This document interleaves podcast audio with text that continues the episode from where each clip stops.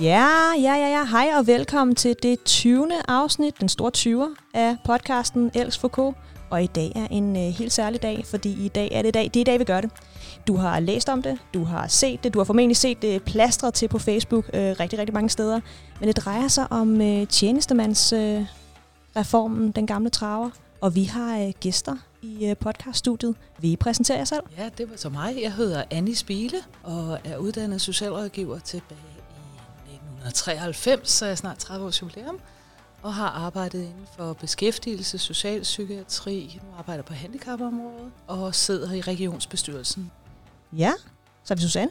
Jeg hedder Susanne Bot. Øhm, jeg har arbejdet med socialt arbejde i 15 år. Jeg har arbejdet på beskæftigelsesområdet, jeg har arbejdet i en fagforening, jeg har arbejdet på krisecenter. Så er lidt forskellige. Så har jeg også været tillidsrepræsentant tidligere, og sidder også i regionsbestyrelsen i Region Øst. Bum, bum. Så er Marie. Ja, Marie Witten. Jeg er, uddannet socialrådgiver for 12 år siden, og har faktisk kun arbejdet med udsatte børn og unge. Og så har jeg været tillidsrepræsentant stort set lige siden jeg blev ansat, og har været fællestillidsrepræsentant i Københavnsskolen de sidste fire år. Ja, Så okay, sidder jeg i regionsbestyrelsen og i hovedbestyrelsen. Fantastisk. Jeg hedder øh, i øvrigt øh, stadigvæk øh, Vibeke Picard, og jeg er en snørlet, nyuddannet socialrådgiver, som øh, PT arbejder i de kommunale. Jeg har primært erfaring for øh, børneområdet, og vi har også øh, André i studiet. André, vil du præsentere dig selv? Hej alle sammen. Ja, det er stadigvæk mig og Vibeke og mig, vi deler mikrofon i det, og det er fordi vi har så mange gæster. Uh, mit navn er André Luciano Frenteria, jeg er lektor i socialt arbejde og beskæftiger mig med udsatte børn og unge. Jeps. Så er vi sat en gang. Øhm, og øh, det handler jo om øh, tjenestemandsreformen. Godt. Er der nogen af jer damer, der har mulighed for at præsentere, hvad er tjenestemandsreformen? Jamen, det kan jeg godt gøre et forsøg på, og så håber jeg, at, at jeg bliver suppleret, fordi det er jo en lidt kompleks størrelse. Men ganske kort, så kan man sige, at i 1969 var der en øh, kommission for Folketinget, der satte sig ned og tænkte, at vi skal lave en reform af lønindplaceringer for offentlige ansatte. Øh, På det tidspunkt, der kiggede man på, hvordan så den gamle tjenestemandsreform ud fra 1919, og så kiggede man på, nu ser verden lidt anderledes ud i 1969, så der er flere fag, vi skal have ind, og de lavede et lønrammesystem med 40 lønrammer.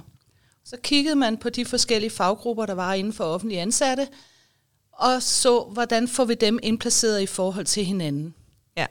Ja. Og det, og det var alle offentlige ansatte. Altså, så bare lige for at lave et rundown her. Ikke? Vi snakker socialrådgiver, hej til jer. Vi snakker sygeplejersker, vi snakker skolelærer, vi snakker øh, altså generelt alt, hospitals øh. Dengang var der også plejerske og sådan noget. Det vil så sosu-assistenter i dag.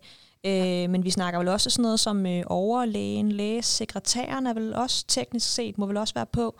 Øh, jordmødre. Har vi glemt nogen? Vi har helt sikkert glemt Vi har rigtig glemt mange nogen. mennesker. Der har sikkert været nogle, altså mange flere. Vanvittigt men, øh, mange. ja, Øh, ja. altså alle de her mennesker, der får deres løn fra det offentlige. Og man skal også huske, at offentlig sektor i Danmark fylder utrolig meget, så største del af den danske befolkning er ansat enten i regioner, kommuner eller i staten, og det vil gerne tilføje noget. Det er også bare, man kan sige, at den offentlige sektor er også vokset enormt siden Ja. der, ikke? så det har også en stor betydning. Vokset grænte meget. Det er fordi, at folk, øh, og blandt andet sådan noget som børnepasning, ikke? jeg læste, at pædagoguddannelsen er Danmarks øh, største uddannelse. Alle har med få undtagelser øh, brug for en pædagog øh, til at passe deres børn, for at de selv kan gå på arbejde. Det er jo noget, der virkelig har ændret sig. Hvad vil du sige, Annie? Jamen, jeg vil bare sige, at det, er jo, at det er jo interessant, når du lige tager fat i pædagogerne for eksempel. Fordi hvis vi går tilbage til 1969, der havde vi jo ikke en pædagoguddannelse. Altså, der havde vi barneplejersker, som jo handlede om at passe børn. Passe på, at de ikke kom til skade. Det var en kort uddannelse. Øh, Det var noget, man havde en forventning om, at det kan alle kvinder jo gøre. Fordi det gør de jo. Hvor pædagoguddannelsen har jo udviklet sig voldsomt de sidste 50 år. Måske var det også nemmere at passe børn dengang. Der måtte man slå dem. Har du overvejet det? Ej, det har jeg faktisk ikke overvejet, men det er en god Der pointe. skulle ikke så meget til, jo. Altså, det, er der var, ikke, der var slet ikke den snak om nummeringer. De skulle slet ikke stimuleres. Eller Nej, nej, nej, nej, nej. Det, som er rimelig interessant, er, at mange af de professioner, vi nævnte tidligere i vores øh, udsendelse, alle de her velfærdsprofessioner, de blev til professioner for ikke så lang tid siden. Altså hvis vi tænker på socialrådgiveruddannelse, så var det også oprindeligt tale om rimelig kort uddannelse. Og så det er blot for sådan øh, understrege, at historisk kontekst for tjenestemandreformen var anderledes. Mm. Og det er nok derfor, at jurister i starten og læger og så videre fik højere løn, fordi de har haft meget længere uddannelse på daværende tidspunkt, sammenlignet med barneplejerske eller lignende. Maria? Jeg tænker, i forhold til det, du siger, Anne, altså man har jo indplaceret mange af de kvindedominerede fag lavere, fordi man i, i datiden i 69 så på det som at kunne passe børn. Det gjorde kvinder i forvejen, så, så det er rimelig let og skal mm. ikke koste særlig meget. Altså jeg tænker, det er også den tid, vi taler ind i, da man ja. lønindplacerede de kvindedominerede faggrupper. Ja, de skulle skifte noget sengetøj. De skulle, skulle skifte noget lave noget havregrød, De skulle måske bare opbevare ved. de her børn, eller i hvert fald ja, ja. passe på dem, som Annie siger. Der skulle skubbes noget gønging ja. og vugges noget vugge der. Og det ja. skulle ikke koste lige så meget som at være overlæge eller skolelærer ja. eller politibetjent. Altså, right. ja. Men man vidste jo faktisk allerede på det tidspunkt, at det var lidt skævt indplaceret. Og derfor så lavede man jo også den der aftale, at man skulle se på det hver femte år. Der var det her stillingsvurderingsråd, der blev oprettet, og så skulle man se på det hver femte år, blandt andet, hvis det ligesom ville kræve noget mere uddannelse hen vejen eller andet, så skulle man revurderes med tiden. Ikke? Yes. Og det skete så ikke. Nej, kære lytter. Det, der sker, det er, for lang, lang tid siden, måske endda før du blev født, jeg ved det ikke, der sker der det, at stat, vi finder ud af, at øh, vi laver en kæmpe offentlig stat. Det bliver super lækkert. Ikke? Der kommer til at være alle mulige forskellige funktioner. Det bliver, det bliver super godt. Ikke? Der kommer til at være, folk øh, kan blive behandlet, de bliver syge, de kan få passet deres børn. Ikke? Øh, folk skal i, også, når de skal i fængsel, skal de også passe på. Der er nogen, der skal undervise mod skolerne. Det bliver smadret godt. Rigtig stor pulje penge skal ligesom gå til at aflønne de her mennesker, der laver dybest set rigtig, rigtig mange forskellige ting. Så finder man ud af, hmm, alle øh, pigerne, alle dem, der passer noget børn, laver også nogle ting, der ikke sådan er sådan lidt, ja, det finder de nok ud af. Det er jo ikke rigtig sådan, det er jo ikke rigtigt arbejde. Det, øh, de får så ikke så mange penge. Og så finder man så ud af, fordi de bliver jo selvfølgelig sure, og så siger man jo det, man rigtig ofte kan sige, og komme sådan lidt nemt ud af det, det er sådan, ja, ja, ja, men ved I hvad? Det løser vi på sigt. Og det skete så ikke. Så der er nogen, der laver et borgerforslag. Det er det jo. Ja. Det er der 11 kvinder, der gør. Der er 11 kvinder, der laver et borgerforslag. Blandt andet også tre, der sidder Blandt her i dag. Jeg tre. ja.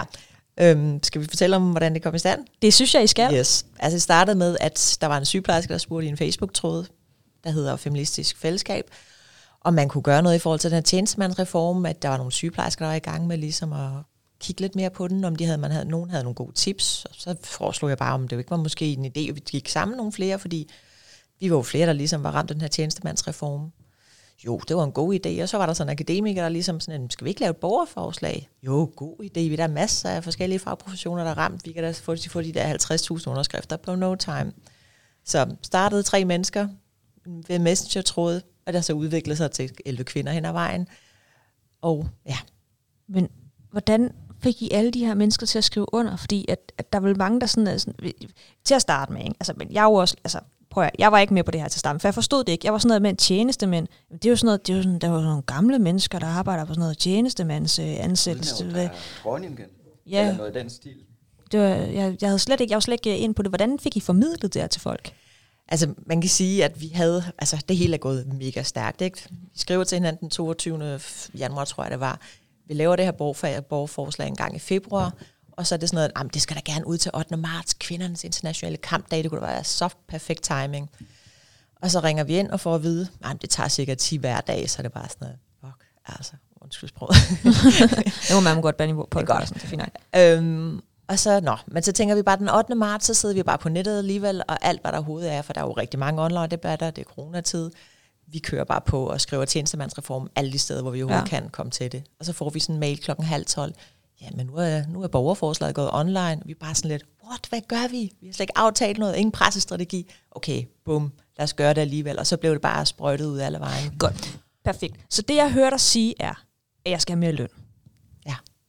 Okay, her ikke, fedt. Ikke kun, ikke kun Susanne eller socialrådgiverne. Ja. Alle de okay. kvindedominerede fag skal Er det noget, vi kan lægge en plan for med det samme, eller hvordan? Øh... Ja. ja, os tre. Kan jeg godt. Nej. Altså det, det vi ligesom siger i, i vores borgerforslag, det er jo, at det her er en meget, meget kompleks størrelse. Vi snakker om over 800.000 offentlige ansatte, hvoraf omkring 600.000 er kvinder. Det lyder fandme dyrt. Ja, og vi snakker også om et, et, et, en verden, der ændret sig fra 69, hvor manden var hovedforsørger, kvinderne havde bijob, til en verden, hvor verden har ændret sig i forhold til det. Uddannelsesniveau har ændret sig videre. Så det her er ikke bare noget med, at vi, nu giver vi nogle kvindedominerede fag en pose penge. Det her handler om at gå ind og kigge på, hvordan ser det her lønhierarki ud? Hvad er kriterierne? Du nævnte tidligere at politibetjente har måske et, et, et farligere job, men så er det jo sådan et kriterie, man må kigge på. Så det vi søger, det er, at politikerne går ind og kigger på de her lønrammer og siger, hvad er det kriterierne skal være? Nogle objektive kriterier, der ikke handler om kvinder, der ikke handler om mænd, som ikke handler om forsørgere eller biforsørgelse, men som handler om uddannelseslængde, risiko ved job, ansvar, altså nogle helt konkrete ting, hvor man siger, og så må de lønindplacere ud fra det. Kan man så forestille sig, altså nu taler I om kvindedominerede fag og mandedominerede fag. Kan man forestille sig, at øh, man får simpelthen flere mænd ind på socialrådgiverfaget, og så på den måde, så taler vi øh, ikke om den her forskel, som er kønbaseret. Altså det har jo ikke ligesom vist sig, at det virker. Altså der har jo været forskellige fag, hvor man har fået flere mænd ind, men derfor er lønnen ikke altså gået op, blandt andet. Okay. Altså, Så, så det handler ikke længere om, om de mænd eller damer. Nu handler det bare om, at der var en forståelse fra starten af, om at det var damefag. Så vi kan ikke bare løse det ved at få flere drenge ind. ej, det kan man ikke. Okay, godt. Og man kan sige, der er jo også, altså, Peter Hummelgaard siger jo også bare nogle gange, at vi, de her også kvinder, vi skal bare gå ind i mandefagene.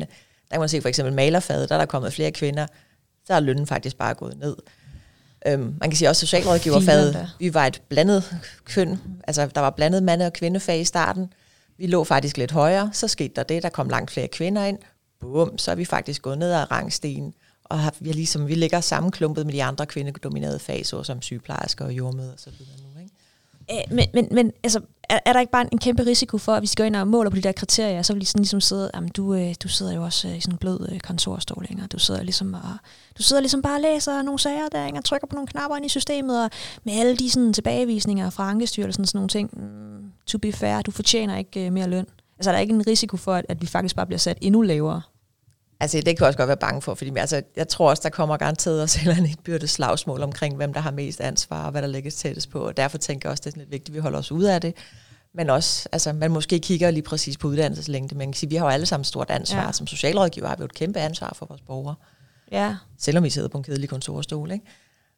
For en men, computer. men er det ikke også, fordi vi lader sygeplejersker... Altså, jeg mener, hele den her debat, ikke, er det ikke, nu spørger os, er det ikke nemmere, at vi lader sygeplejerskerne køre den? Altså lidt ligesom, at øh, muslimerne lader jøderne køre omskæringsdebatten. Så planen er ligesom, at dem, dem alle kan stille os bag, at, at de ligesom, de, og særligt jordmøderne, ikke, det er helt på mig til, så kan vi ligesom, vi kan stå der, ikke, men så står vi sådan lidt bagved, og så siger vi ikke noget, fordi folk er, altså, vi er ikke så populære.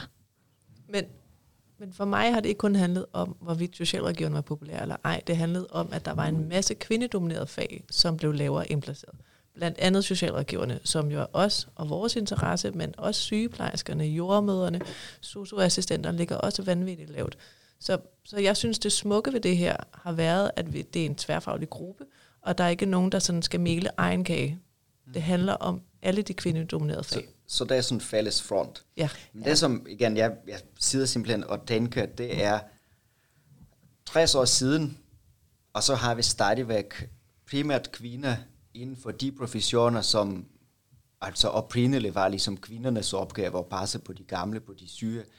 Um, synes I, at det er noget strukturelt i det danske samfund, som har forhindret kvinder til at tage nogle andre uddannelser, eller tage nogle, uh, altså går op i, i noget anderledes beskæftigelse. Altså hvorfor i alle de her år, så blev vi, eller så blev I ved at uddanne jer som socialrådgiver og sygeplejerske og pædagoger, og ikke søgt på, i større omfang på jurastudier eller noget lignende. Annie? Jeg synes, det er rigtig interessant at snakke om det kønsopdelte arbejdsmarked helt generelt. Øhm, helt generelt også at snakke om, hvad er det for en værdisætning, vi har i vores samfund. Fordi det er jo også et spørgsmål om, at du har fuldstændig ret. Det er kønsopdelt. Og der er forskel på, hvad er det kvinder vælger. Nu snakker jeg selvfølgelig karikeret, men helt overordnet, hvad er det kvinder vælger, hvad er det mænd vælger. Det vi ligesom prøver at holde fokus på, det her, det handler om ligestilling, og det handler også om, at det der så er kvindedomineret fag, og det kan der være mange grunde til, det er mere komplekst, end jeg i hvert fald kan overskue. Hvad er det, der gør, at vi i vores samfund værdisætter det typiske kvindedominerede fag lavere, end vi gør for eksempel ja, håndværkere og, og læger og så videre. Og jeg kan da godt have en formodning om, jamen hvorfor læger, hvorfor får de så meget mere en løn end en sygeplejerske? Altså, det er de samme patienter, de har, det er det samme. Altså, så, så det er det der med at sige, hvad er det for en værdisætning, og derfor bliver vi ved med at kalde det ligestilling. Og ikke lige løn, for der er også noget helt andet, når vi snakker lige løn, så snakker vi jo meget om inden for samme fag. Men ligestilling handler jo også om, hvad er det for en værdisætning, og det er den debat, vi også gerne vil have i gang. Men Men man kan forestille sig, at der er flere piger, unge kvinder, som læser til læger. Øh, Dejligt. Hvorfor sker det ikke så meget? Altså, jeg kommer, jeg kommer oprindeligt fra Sovjet. Der har vi primært kvindelige læger. Det har ikke gjort lægeprofessionen velbetalt, vil jeg lige sige. Uh, så, men, men, men sådan statistisk sat, så, altså, så er det primært kvinder inden for sundhedssektor, både som læge og som sygeplejerske, og som øh, røntgenassistenter osv. det, det var fordi, når du, når du siger det der, så tænker jeg, det, det der også er bevist, og som vi lidt forsøger at holde uden for den her debat, det er det der løn mellem mænd og kvinder.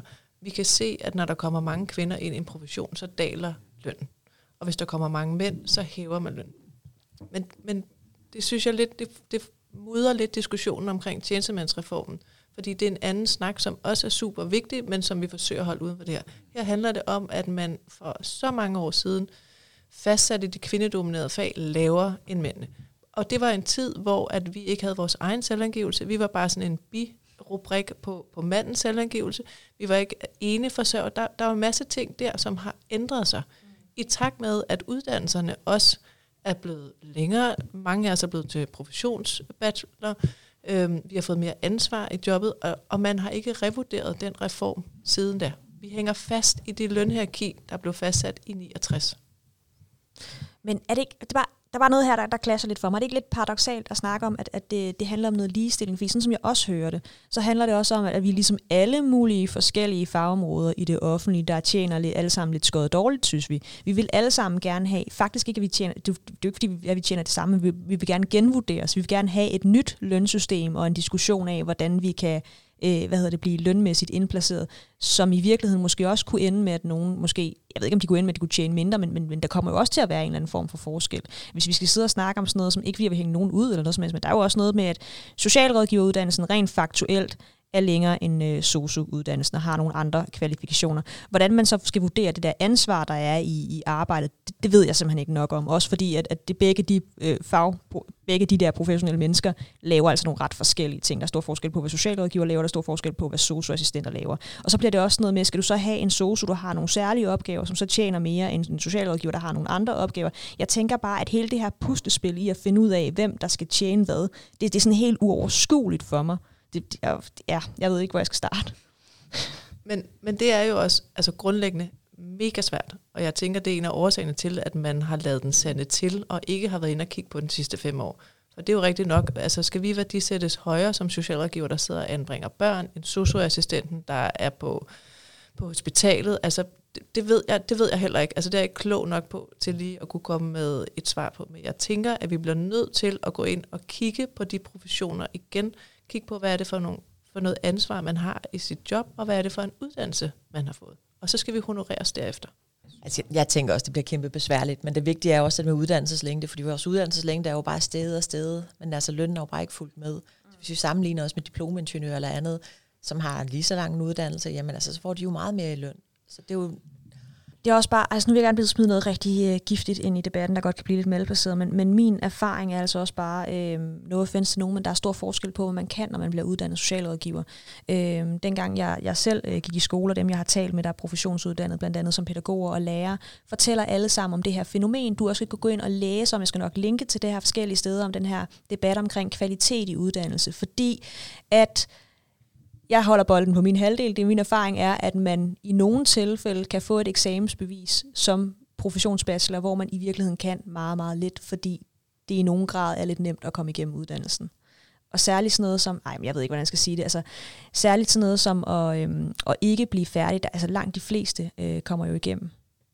Så det er sådan lidt sådan der med, jamen det er i, i, i sådan en pivåben videregående uddannelse, hvor at, at altså, hvis du kommer ind, så får du et diplom, så er de der tre et halvt år eller fire år, det tager, er på en eller anden måde også bare noget ubekvemt ventetid.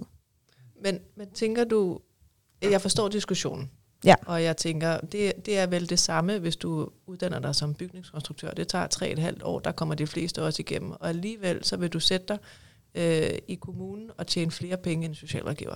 Hvad er årsagen til det? Ja. Er det vigtigere at behandle de byggesager, om taget må være så højt at have den her hældning, eller hvorvidt øh, Frida, hun skal tvangsanbringes eller ej. Ja, og det er en fair point. Og det næste, man så kan gå ind i, det er jo selvfølgelig så også, at nogle kommuner, og det ved jeg jo særligt, når vi går ind og kigger på jobcentrene, der er jo faktisk folk, der er ansat side om side med dem, der er uddannet, som laver nøjagtigt det samme arbejde. Og jeg har mange ting, jeg kan stille mig underne i forhold til der, fordi jeg er ikke i tvivl om, at når de ansatte arbejde der, så kan de selvfølgelig godt finde ud af det, ellers vil de jo ikke være der.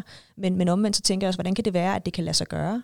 Øhm, og så også hele det her med fairness i forhold til uddannelsesbaggrund øh, kontra hvad man sidder og laver, den rører jo så også lidt, hvis, hvis det faktuelt er sådan, at arbejdet godt kan udføres, hvis man har været blomsterbinder. Det synes jeg er en virkelig, virkelig spændende diskussion i socialrådgivers sammenhæng. Jeg er ikke sikker på, at den er så relevant i forhold til tjenestemandsreformen. Fordi jeg tænker, det, det med tjenestemands, altså, vi kan jo altid, i alle uddannelser, kan vi jo gå ind og kigge på, om folk er kvalificerede nok, når de er færdige. Øh, og jeg vil ved med, at der også kan sidde sygeplejersker eller radiografer, der har den samme overvejelse, som du har i forhold til deres uddannelse. For mig er det rigtig vigtigt, at, at, at prøve at holde fokus på tjenestemandsreformen. Hvad var intentionen i tjenestemandsreformen? Hvad var konsekvenserne af det? Og hvad var det for en tid, den blev lavet i? Og så kigge på, hvor er vi i dag? Og jeg bliver nogle gange... Øh, lettere ophidset, når jeg for eksempel også hører folk begynder, ja, men det er jo den danske model. Men den danske model blev faktisk ikke indført på det offentlige område før efter tjenestemandsreformen. Og det er der, hvor jeg tænker, mange, mange ting bliver mudret ind i denne her debat omkring tjenestemandsreformen, og vores opgave, tænker jeg, som initiativgruppen bag borgerforslaget, er at prøve hele tiden at holde fokus på det, for det, det bliver meget tit mudret, og der kommer mange ting i spil, når vi snakker tjenestemandsreform det, som interesserer os i forhold til tjenestemandsreform og lønninger, det er også offentlige udgifter, fordi det er ligesom det, det ligger op til. Hvad synes I skal være løsning? Skal øh, jurister og læger få mindre i løn, eller hvad, øh, Susanne? Altså, der er jo ikke nogen, der skal gå ned i løn. Det er ikke vores intention. Det her det er ligesom løftestangsprincippet. Altså, vi er jo lige så meget værd, som en lærer for eksempel er. Det kan godt være, at deres uddannelse er lidt længere, og de måske skal have lidt mere end os. Men, men vi skal jo ikke have nogen, der går ned i løn. Og man kan sige, når man snakker om det her, det er rigtig dyrt, så er det jo også tegn på, hvor forkert det her det er. Hvor grundlæggende skævt det er, at man mener, at det koster 5-20 milliarder at rette op på det her. Altså, det er jo mm. grotesk. Og tænk på, hvor mange penge samfundet har sparet i alle de år siden 1989. Men, men, men det hvordan, kan den rigtige løn. Altså, hvordan finder vi de her mange milliarder, fordi vi taler også, at der er nogle faggrupper, som skal have tidligere pension, der er nogle øh, børn og unge, som skal have øh, mere støtte. altså så, så jeg tænker sådan ud fra sådan lidt øh, øh, højreorienteret perspektiv, hvis man er borgerlig, øh, ligesom betaler vi ikke nok i skat, men, men det er ikke vores opgave, det er politikernes opgave. Og igen, det er også det, vi altid går tilbage til. Den her reform er politisk skabt, og den skal også løses politisk. Mm. Altså man kunne finde 18 milliarder og mink milliarder. mm. øhm, man har kunne finde alt muligt andet. Altså vi har jo stadigvæk masser af selskaber, der ikke betaler skat, alt muligt andet. Altså der er jo masser af steder, man kan finde de her penge, men det er ikke vores opgave. Vores opgave er at gøre opmærksom på uretfærdigheden, mm. og så må politikere tage resten. Annie? Jeg, jeg synes, den er så interessant, den her med, hvor skal pengene komme fra. Øh, for mig handler det også om at gå ind og se, hvis vi snakker ligestilling, altså der kom øh, i sidste uge kom der en, en meget flot artikel med en ekspert i, i DR, som gik ind og skrev en overskrift, der hed, skal de kvindedominerede fag have det samme som tilsvarende mandedominerede fag, så bliver det dyrt. Og så har det bare sådan, bare, bare prøv at sige spørgsmålet højt. Hvordan kan det overhovedet være et spørgsmål? Om kvindedominerede fag skal have samme løn som tilsvarende mandedominerede fag. Der er jo noget fuldstændig skævt i hele den sag. Og derfor siger vi, selvfølgelig skal de det. Selvfølgelig skal kvindedominerede have det samme som tilsvarende mandedominerede fag. Det er ikke et spørgsmål om, hvad det koster. Fordi som Susanne ganske rigtigt siger, det fortæller jo bare noget om, hvad vi skulle have haft i mange år. Så det er ligesom at betale gæld, hvis man kan kalde det sådan, Som tilbage til, til øh, kvindedominerede fag. I nævnte, at det er politikernes ansvar at skaffe de her midler. Og det, som jeg er nysgerrig på, om I har nogle allierede blandt politikere, eventuelt nogle kvindelige politikere, som står og bakker op for jeres øh, sag? Altså man kan sige heldigvis, altså enhedslisten, Pernille Skipper har jo ligesom været i gang med den her kamp længe omkring tjenestemandsreformen. Vi har jo holdt adskillige møder med forskellige politikere, som er kommet mere og mere på banen. Vi har jo, hvad har vi? Vi har Alternativet, vi har Radikale Venstre, vi har Dansk Folkeparti kom også på banen, uden at vi havde talt med dem. SF var meget tilbageholdende, men stod lige pludselig også på slotspladsen til en tjenestemands tirsdag og kom ind i kampen. Hvem har vi ellers? De frie grønne bakker os også op. Altså, folk vil jo gerne bakke op. Altså, mange har jo ellers i starten forstået, hvad det går ud på. Men de kan jo godt se uretfærdigheden. Og så har vi jo stadigvæk Socialdemokratiet, som bare står tilbage og så siger, vi kan ikke blande os i overenskomstforhandlinger, danske modeller, der. Altså, så der, der, man kan sige, der bliver vi lige låst lidt fast, fordi sygeplejerskernes nej og radiografernes nej stadig fylder, og der er konflikter og strækker på vej. Mm. Men øhm, altså, der er jo rigtig meget opbakning. Vi har bare nogle enkelte partier i den blå blok, som ikke lige er med. Men der tror jeg faktisk, selvom det er ubehageligt, og man kan sidde og diskutere, om det skal være et spørgsmål eller ej, sådan rent etisk, jeg tror bare rent sådan faktuelt, når man skal sidde og pille i og rydde det her op, så kan jeg godt forstå som politiker, at man sidder og tænker, den gemmer jeg lige til næste år. Fordi at det, det er, vi kommer jo ikke udenom, at det er mange penge. Og det, det, det er sådan, inden vi begynder at tale om, hvad der er retfærdigt, og ikke er retfærdigt, hvad gør der grundlaget for det, hvordan vi gør det og sådan nogle ting. Det er jo, det er jo en, en, en grænte regning, øh, som nogen skal sådan finde ud af, øh, hvordan, man, øh, hvordan man omfordeler, hvad gør man, og det, der skal laves et dit og den, og, du, og der, der er jo også en kæmpe risiko for, når man begynder at pille ved det der, at der så også er nogle vælgergrupper, som bliver møghammerne sure, fordi der er helt sikkert også nogen, der i en, ligesom i enhver forhandling bliver klemt lidt i forhold til, hvad for nogle forventninger man havde. Ikke? Og så er der jo heller ikke det der store røde bånd, man skal ned og klippe over. Så det er sådan en øveopgave. Og så er der ikke rigtig nogen, der svarer og siger, tak, det var vi rigtig glade for. Ja, men det, jeg sidder sådan og tænker, ja, og det er det, vi betaler politikerne for at lave. Altså, det, ja, det bliver svært, og det er også det, vi hører selv, partier, som bakker os op med få undtagelser, det er jo også, ja, der skal ses på det her, ja, det er et kæmpe problem, men det bliver virkelig hårdt at finde løsninger. Det bliver virkelig hårdt at blive enige om, hvad de løsninger går ud på. Pengene er der ikke bare lige. Hvordan skal, altså et af de spørgsmål, vi, vi møder oftest, når vi holder de her møder med politikere, er jo, hvor vil I finde pengene? Og så er det, vi jo bare må sige, det er det, vi betaler jer løn for at finde ud af.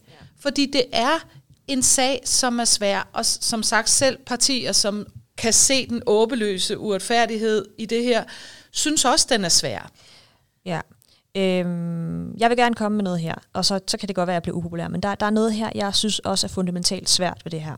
Jeg er nyuddannet. Jeg er øh, indplaceret på noget øh, startløn som socialrådgiver. Jeg har det faktisk, hvis jeg skal være helt ærlig, sådan egentlig fint nok øh, med det. Jeg synes, at jeg, jeg, jeg klarer mig økonomisk. Jeg er ikke sådan ved at gå for huset hjem. Det, det går okay. Øh, men jeg kan godt mærke, at i mit arbejdsliv, det der bekymrer og trykker mig, øh, som en, der heller ikke øvrigt har tænkt så meget over det her emne, øh, det er meget mere noget med, med arbejdsvilkår øh, og noget andet pres, der ligger økonomisk på det her område. Så kan det godt være, at det er sådan en, en socialrådgiver ting. Jeg forestiller mig også, at de andre professions, professionsfag lidt kan genkende øh, det, jeg siger nu. Men for mig, der handler det rigtig ofte om, at de arbejdsopgaver, de processer, jeg har, tyngden i min sagstam, antallet af sager, hvordan visitationen går, hvad kan jeg love borgerne, når jeg står derude ved dem, hvor lang tid tager det mig at sætte ting i værk, det er sådan noget, der har en kæmpe betydning for, hvor lang tid jeg kan overleve her. Altså hvis jeg skulle vælge mellem, at der trillede 2.500 mere ind på min konto hver eneste måned, eller jeg skulle vælge mellem, at det der, det blev halvt så besværligt at stå med, så er jeg ikke i tvivl om, hvad jeg vil vælge. Overhovedet ikke. Hvad siger du selv? Jamen, problem er lidt at blande arbejdsmiljøet i tjenestemandsreformen skabte. Altså man kan sige, lige nu så kæmper vi bare om lønnen, om placering, alt det andet, det må ligesom komme ved siden af. Så kan vi godt se, at sygeplejerskerne ligesom står og snakker om arbejdsmiljøet ved siden af. Det går jo med også PT med deres kampagne og kamp. Men, men det er ikke en del af tjenestemandsreformkampen, kan man sige. Det her der ren og skær lønindplacering, vi snakker om. Og man kan sige, at, at altså, vil vi bare blive ved med at have det andet? Det er ikke sikkert, at vi får det andet ved siden af. Vores problem er også, at man kan sige, når, når medierne skal skrive om det her, så er det sjovt at snakke med sygeplejerskerne, det er sjovt at snakke med jordmøderne, for de har ligesom, de har det gode ry. Så snart det kommer socialrådgiveren, så er det bare sådan, at vi kan lave en baggrundsartikel om jer, det er bare sådan, okay, gider ikke at høre som vores, altså vi har bare et dårligt ry. Så derfor så kommer vi heller ikke ud og laver den store kamp omkring, at vi har dårligt arbejdsmiljø. Man kan jo se, at hver gang der er et eller andet på Facebook, så er der bare, så er der shitstorm, ikke? Øhm, og jeg tror, at arbejdsmiljø, det er jo noget, man kan sige, at vores fagforening kæmper for det. Det kan også godt være, at vi skal tænke på et tidspunkt at gøre det på en anden måde. Øhm, men, men jeg tror bare, altså, ja, det var vigtigt at adskille kampen i det her, fordi vi kan ikke stå i Folketingssalen og så sige, at vi vil have det her borgerforslag igennem, men vi derudover vil også have arbejdsmiljøet i orden. Altså, det er adskilte ting her og nu, ikke? Men jeg bliver også sådan lidt, hvorfor skal det være enten eller? Hvorfor er det ikke både og? Og, og nu kommer jeg med en sådan generaliseret holdning til os kvinder. Det er altid det, det, det, vi siger. Jeg vil hellere have færre sager, eller jeg vil hellere have bedre arbejdsvilkår, Og så, så kan jeg godt sige nej tak til de der 500 kroner ekstra, jeg kan få i løn i år eller næste år. Det, det handler ikke om, at vi ikke også synes, vi skal kæmpe for vores arbejdsvilkår, fordi det tror jeg sådan set, vi alle tre er enige om. Der er virkelig noget at tage fat på os. Det her er bare en anden sag, som handler om en lønfastsættelse fra, fra færdig mange år siden. Så jeg vil øh, tilbage til det her. I siger det med kønsdebat, det er i virkeligheden, det skal ikke ligesom stjæle opmærksomhed fra hele den her reform, men alligevel, jeg, har, jeg har den her fornemmelse, at det er stadigvæk kvinder som undertrykt klasse, og det er stadigvæk mænd som dem, som har magt. Altså man taler meget om, om de hvide gamle mænd. Er, er det ikke også jeres indtryk? Altså når, når vi kigger på vores politikere, det er jo primært mænd, som styrer. Altså jeg tænker også, Dan, dansk regering, det er primært mandedomineret regering, lige meget om det er Venstre eller Socialdemokratiet, vi snakker om. Så, så det, det er sådan lidt det blot refleksion i forhold til, vi stadigvæk, der hvor vi var i 60'erne, det er mænd, som har defineret, hvad der skal ske, og kvinder, de ligesom kører videre med det her. Og det er det, I forsøger at et eller andet sted sådan øh, øh, i virkeligheden ligesom kommer til liv og, og gøre opgør med. Kan man forklare det på den måde? Jeg ved ikke, om, om jeg vil sige, at man kan forklare det på den måde, men, men for mig at se, så er ligestillingskampen et sted, hvor vi skal have alle mulige ting op i luften og få kigget på dem igen. Og det er jo sjovt, du siger hvide gamle mænd, fordi så vil jeg lige komme med en helt personlig observation. Man kan jo se i 69, den kommission, der lavede denne her indordning, var alle sammen mænd, bortset fra en kvindelig sekretær. Så det var jo helt tydeligt. Når vi holder møder i dag, så er det helt tydeligt, at beskæftigelsesordførende er stort set mænd, og ligestillingsordførende er for det meste kvinder, og der er heller ingen tvivl om i mit sind, når jeg holder møder, hvem er det, der har magten. Det er beskæftigelsesområdet, eller skatteområdet, eller finansområdet, og ikke ligestillingsområdet. Jamen, det her handler om ligestilling mere end det handler om økonomi. Det handler om ligestilling, det handler om, hvad er det for et samfund, vi vil have, hvad er det for en værdisætning, vi vil have. Og så er det rigtigt, vi har et stykke vej igen. Det har vi helt klart, og som du siger, hvor ligger magten henne? Og, og for mig at se, ligger magten ikke på ligestillingsområdet. Kan man overveje noget i forhold til øh, kvoter? I Norge så har de for eksempel for at promovere øh, kvinder på, øh, i forhold til altså forretning og bestyrelse, der er det øh, fastlagte kvoter, hvor mange kvinder skal være i bestyrelse.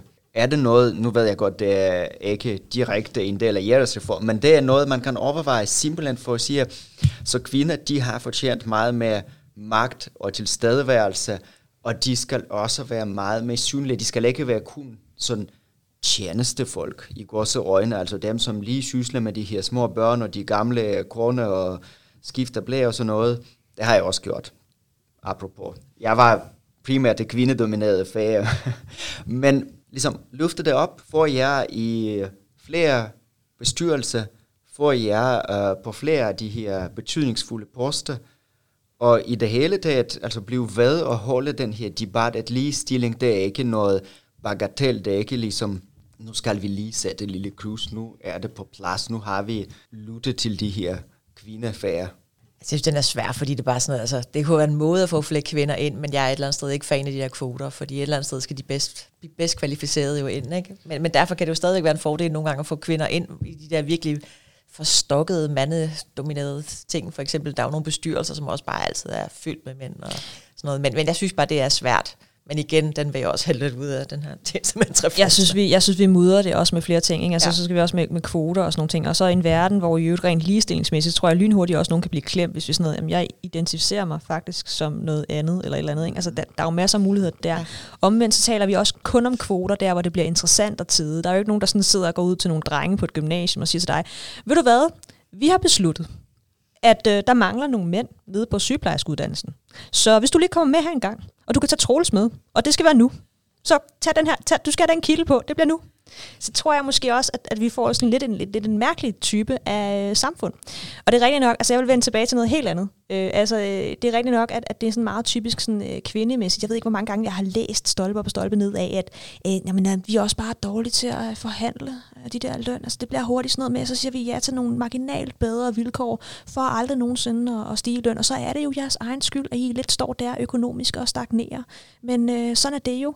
Øh, og der kan jeg bare godt mærke, jeg, jeg, jeg, kan, jeg kan godt lidt følge kritikken i, at man skal øh, have balls nok til at bede om begge dele, hvis man kan sige det sådan. Men, men omvendt, så hiver jeg den frem, fordi det kan godt være, at, at selvfølgelig vil jeg gerne, hvis jeg kunne vælge på super arbejdsvilkår, tidlig pension og god løn, det, er da ikke, det, er da ikke, det skal da ikke hedde sig. Men, men det er mere bare, jeg kunne godt forestille mig, at der var nogle andre mennesker, ned på borgen, der kunne finde på ligesom at sige, når nu I snakker om de der penge, der, hvor det skal komme fra, I siger, det er mig som politiker, der skal finde ud af det, så kunne jeg da lynhurtigt finde et andet sted, I skulle spare. Så øh, hvis du sparer det for sagerne, så øh, kan du da godt få de 1000 kroner mere, hvis du synes, du kan holde det ud. Men rammen er jo lagt politisk. Altså det er jo rigtig vigtigt at sige, at når vi snakker lønforhandlinger, i forhold til det offentlige, så er rammen jo lagt af Finansministeriet og Skatteministeriet i forhold til, det er denne her pose penge, I har at kæmpe for. Så kan den enkelte socialrådgiver og sygeplejerske jo godt prøve at få mere i løn, der hvor de er ansat. Men der er jo en ramme, som den institution eller offentlig institution ikke kan gå ud over. Så der er en grænse. Og det er jo også derfor, vi prøver at sige, at når de begynder at snakke om jamen altså, overenskomstforhandlinger osv., men der er jo en politisk skabt ramme, fordi det offentlige politikere er arbejdsgivere. Og det er der, hvor der også nogle gange bare er, jamen der er jo grænser for, hvor meget den enkelte på arbejdspladsen selv kan forhandle hjem, fordi der er en ramme for lønsøm i hver enkelte kommune. Og det må ikke blive et individuelt ansvar det er rigtig vigtigt for mig at sige, at det her skal ikke være et individuelt ansvar, og det er også derfor, at når vi, når vi kæmper for tjenestemandsreformen, kæmper vi jo for, at lønrammerne bliver indplaceret rigtigt. Og så er der nogle andre, der skal finde ud af, hvad er så rigtigt efter de kriterier, vi har snakket om. Men det må aldrig blive den enkelte, der ikke er god nok til at forhandle. Det jeg, det jeg anfægter, det er, at vi for ofte vil gå på kompromis i forhold til lønsnakken på baggrund af bedre arbejdsvilkår. Og det skal ikke, det skal ikke, være, det skal ikke være enten eller. Vi skal både kunne gå på arbejde uden at blive syge og stress, og så samtidig blive indplaceret lønmæssigt korrekt. Kan vi få politikerne med på den? Altså, jeg tænker, at vi grundlæggende har svært ved bare at få politikerne med til et øh, bedre arbejdsmiljø og flere ressourcer til sagsbehandlerne. Det bliver naturligvis nok en større udfordring begge dele, men det synes jeg stadigvæk, vi skal holde fast i, at det er vores krav. Men nu er kamp for et opbrud med tjenestemandsreformen hermed i gang. Hvad er planen herfra? Hvad er det næste, der skal ske? Hvornår skal de drøfte den? Altså, vi har jo rent faktisk foretrædet for ligestillingsudvalget her den 19. maj, øhm, mm. hvor vi lige får lov til at fremlægge kort, og de får lov til at spørge os om diverse. Den 20. maj er den første fremsættelse i Folketingssalen, hvor vi får lov til at være tilskuere den dag, og så må vi se, hvad der sker derfra. Så kommer der pressedæk, ja. så håber vi får mere en bagside. Og man kan sige, at vi har jo også holdt de her tjenestemandstirsdag. Nu har vi allerede holdt fire tjenestemandstirsdag, hvor vi har stået foran Christiansborg på Christiansborg Slotsplads. Det har så bredt sig. Tirsdag har det også været i Aarhus. Fra tirsdag er det også i Aalborg. Så, så det, altså, oprøret breder sig. Ja, det de skal. Du, de der, øh, hvad hedder det, Men in Black, så skubber vi dem væk. Så får vi lige pladsen der. Så kan vi holde en demo. Og så, hvornår skal vi møde op? Altså de der studerende, dem der lytter til det her. Alle skal møde op. Alle skal møde op. Det er Fra om tirsdagen. 15 til 17. 15 står vi der. 17. Hver tirsdag. Ja. Hver tirsdag. Altså oprindeligt så var det jo ligesom for at tale med politikerne. Ja. Og politikerne har faktisk også benyttet sig af det. Altså SF har været flittigt komme forbi. Enhedslisten har været forbi. Radikale Venstre. Dansk Folkeparti stod der også lige pludselig, og der er jo flere på vej. Og det er bare sådan et, vi har bare sagt, det er der, de kan komme og snakke med os. Kom ja. og snak med os, høre hvad det er, whatever, få en uformel snak. Så har vi så ligesom udbygget det. Det startede med bare en lille megafon den første gang. Nu har vi demovogn hver gang. Vi har noget musik. Vi har forskellige taler, fagforeningsformanden, studerende, almindelige ansatte, diverse, der kommer og taler. 3F har også været på demovogn og tale. Ren solidaritet. Er der benefits? Altså, der kommer sygeplejersker. Kan jeg blive podet for corona, samtidig med, at jeg er der? Det er, det, hvis du kommer tidligt nok, så kan du blive podet inden kl. 12 på Christiansborg, tror jeg. Så. Ah, okay, ah, det er godt. Det er godt, det er godt. Spørge, det, det, er som, altså, det er altid noget underholdende. Har I så nogle øh, kendte kvinder, som støtter jeres kamp? Hvad hedder det? Er der nogle, nogle stand-up-komikere? Og... Jamen, vi har jo haft masser, det har jo været fedt der, altså hvor vores borgerforslag gik i luften, der havde vi jo både Twerk Queen, vi havde Louis, hvad hedder det, Sofie Linde, vi har haft Sande Søndergaard, hvad har, jeg kan ikke huske, hvad jeg ellers Vi har virkelig haft mange, der ligesom støtter. Tour Queen har også sagt, at hun vil komme og holde en tale nu her på vognen. Altså, der er masser af opbakning, og man kan sige, altså Sofie Linde, nogle gange, så tænker folk tilbage omkring det der blowjob, det er det, hun snakkede om, og hun startede rent faktisk talen med os at snakke om løn, om lige løn. Så der er kæmpe meget opbakning derude, og det er også det, altså der er jo mange, der snakker om, at det her det er den nye kvindebevægelse, der er i gang lige nu, der er en ny ligelønsbevægelse i gang lige nu der er masser af opbakning. Og folk kan jo se det, for det er jo både det er en kvindekamp, det er en arbejderkamp, en ligestillingskamp. Det er en kæmpe kamp. Mega kamp. Altså, Mega jeg, kamp. jeg har det jo sådan, at når Sjøtministeriet med Michael Sjøt rent faktisk omhandler tjenestemandsreformen, så er vi på vej. Det vil jeg lade være den øh, sidste øh, bemærkning herfra. Som altid, øh, så vil jeg gerne sige øh, tusind tak, fordi at øh, I kom. Her kommer noget øh, kampe lækker outro-musik, og så vil jeg bare sige tak for den her gang. Der ligger links i øh, SoundCloud-info. Godt. Tak for det. Ha' en god dag. Selv tak. Tak fordi vi måtte Tak for i dag. Tak for denne gang.